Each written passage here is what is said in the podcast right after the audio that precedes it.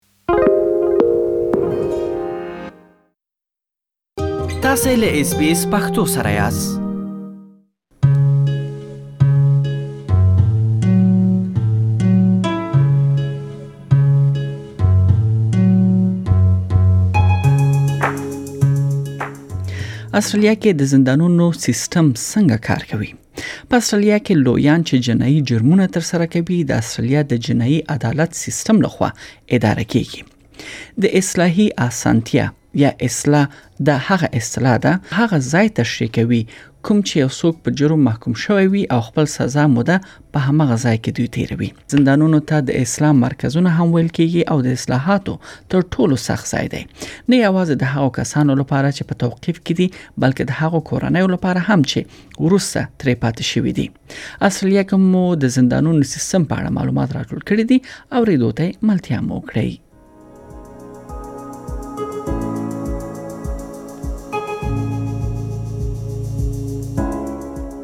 استرالیا یو سل 15 اصلاح کولو ځای یعنی زندانونه لري چې دا زندانونه د دواړو یعنی په خصوصي توګه او دولتي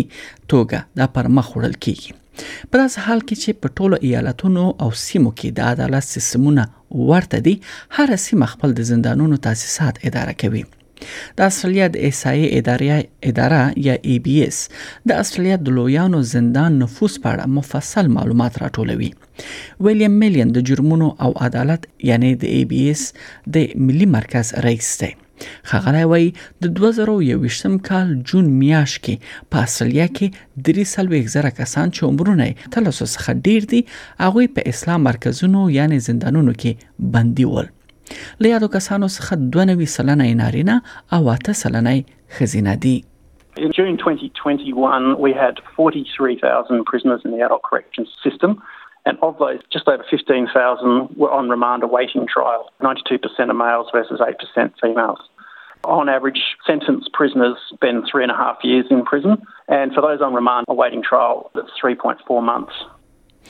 دا مهمه ده چې په زندان کې د بومي او ټورس سټریټ ټاپو خلکو غیر متناسب شمیر ومنو ځکه دا خلک د زندانیانو ډیر شمیر جوړوي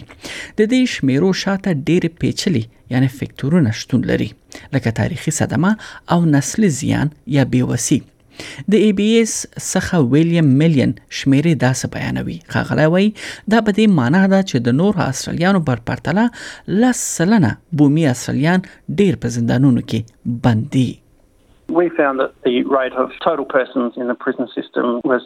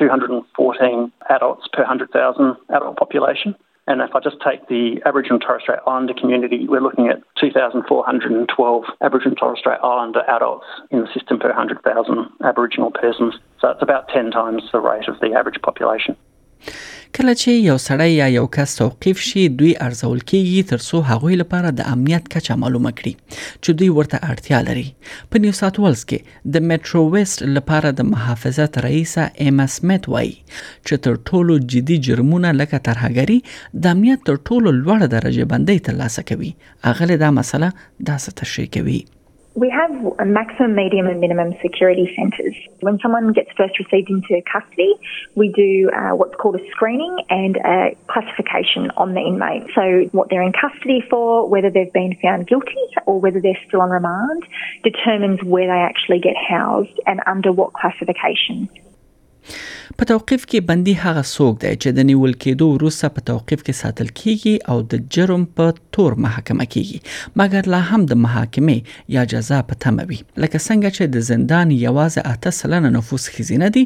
زندانونه باید ډار ترلاسه کړي چې هر څوک د امکان تر حد خوندي ځای کې اوسي او خورا خوندي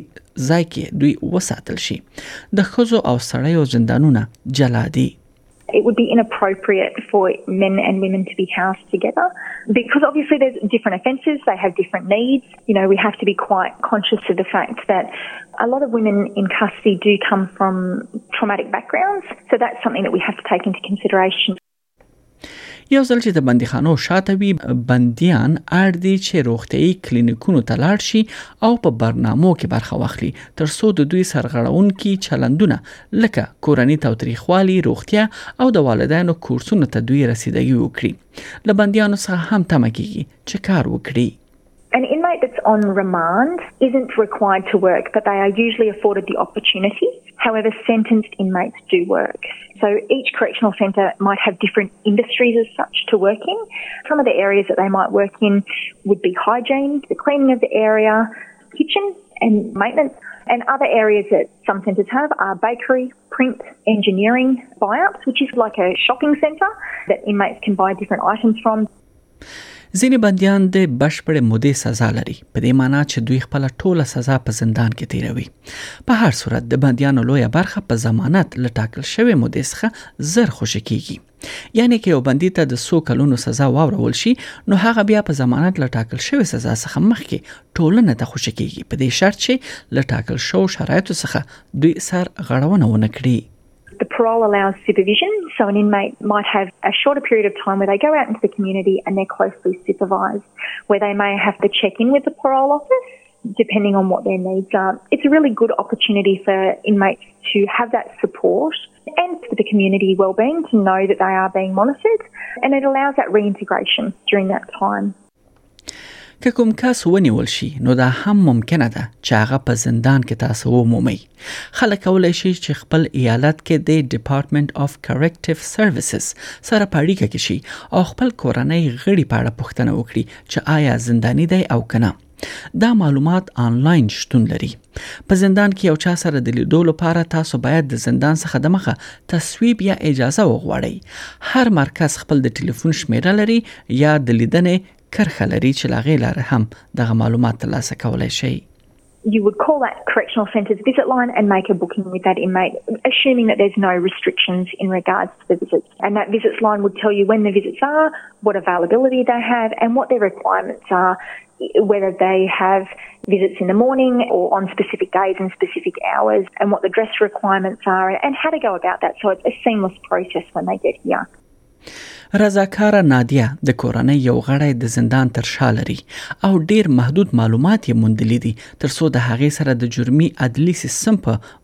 پروسه کې ورسره مرسته وکړي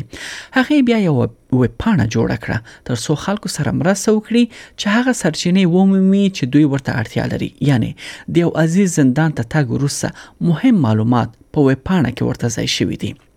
نادیه وایي شرم بدنامي او انزوا معمولا په بهر کې د کورنۍ لخوا تجربه کیږي دا غل نه دا لخوا جوړه شوې ویب پاڼه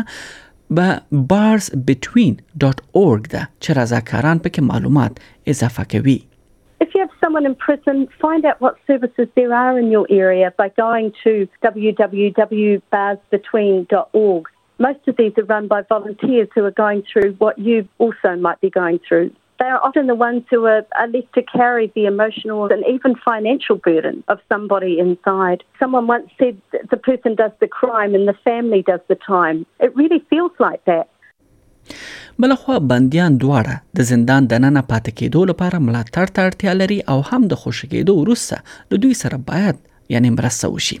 د بیا کتنې یا بیا سرغړونې لاملونه پیچلي دي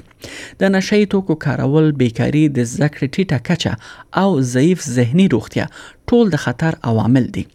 د خوشی کېدو وروسته د ملاتړ خدماتو نشټواله هم ډیری کسان یا دغه بندیان له ستونزو سره مخوي د استرالیا د پروډکټیویټي کمیشن د بیا سرغړونو شمیرو راپور ورکوي او د هغې له دغه ادارې څخه یعنی ویلیام میلن دا وایي چې یادو شمیرو په اړه یعنی دوی داس معلومات ترلاسه کړي چې شپږ سلويک سلنه کسان کوم چې زندان څخه خوشی کیږي دوه کاله دننه موده کې بیا جرم تر سره کوي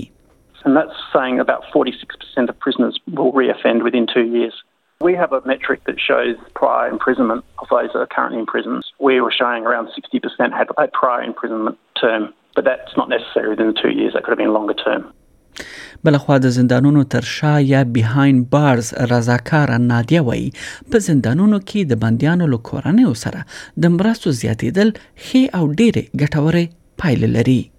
Research also shows that there is more chance a person once released will be able to reintegrate back into society and not be one of those statistics returning to prison if they have good family support on the outside.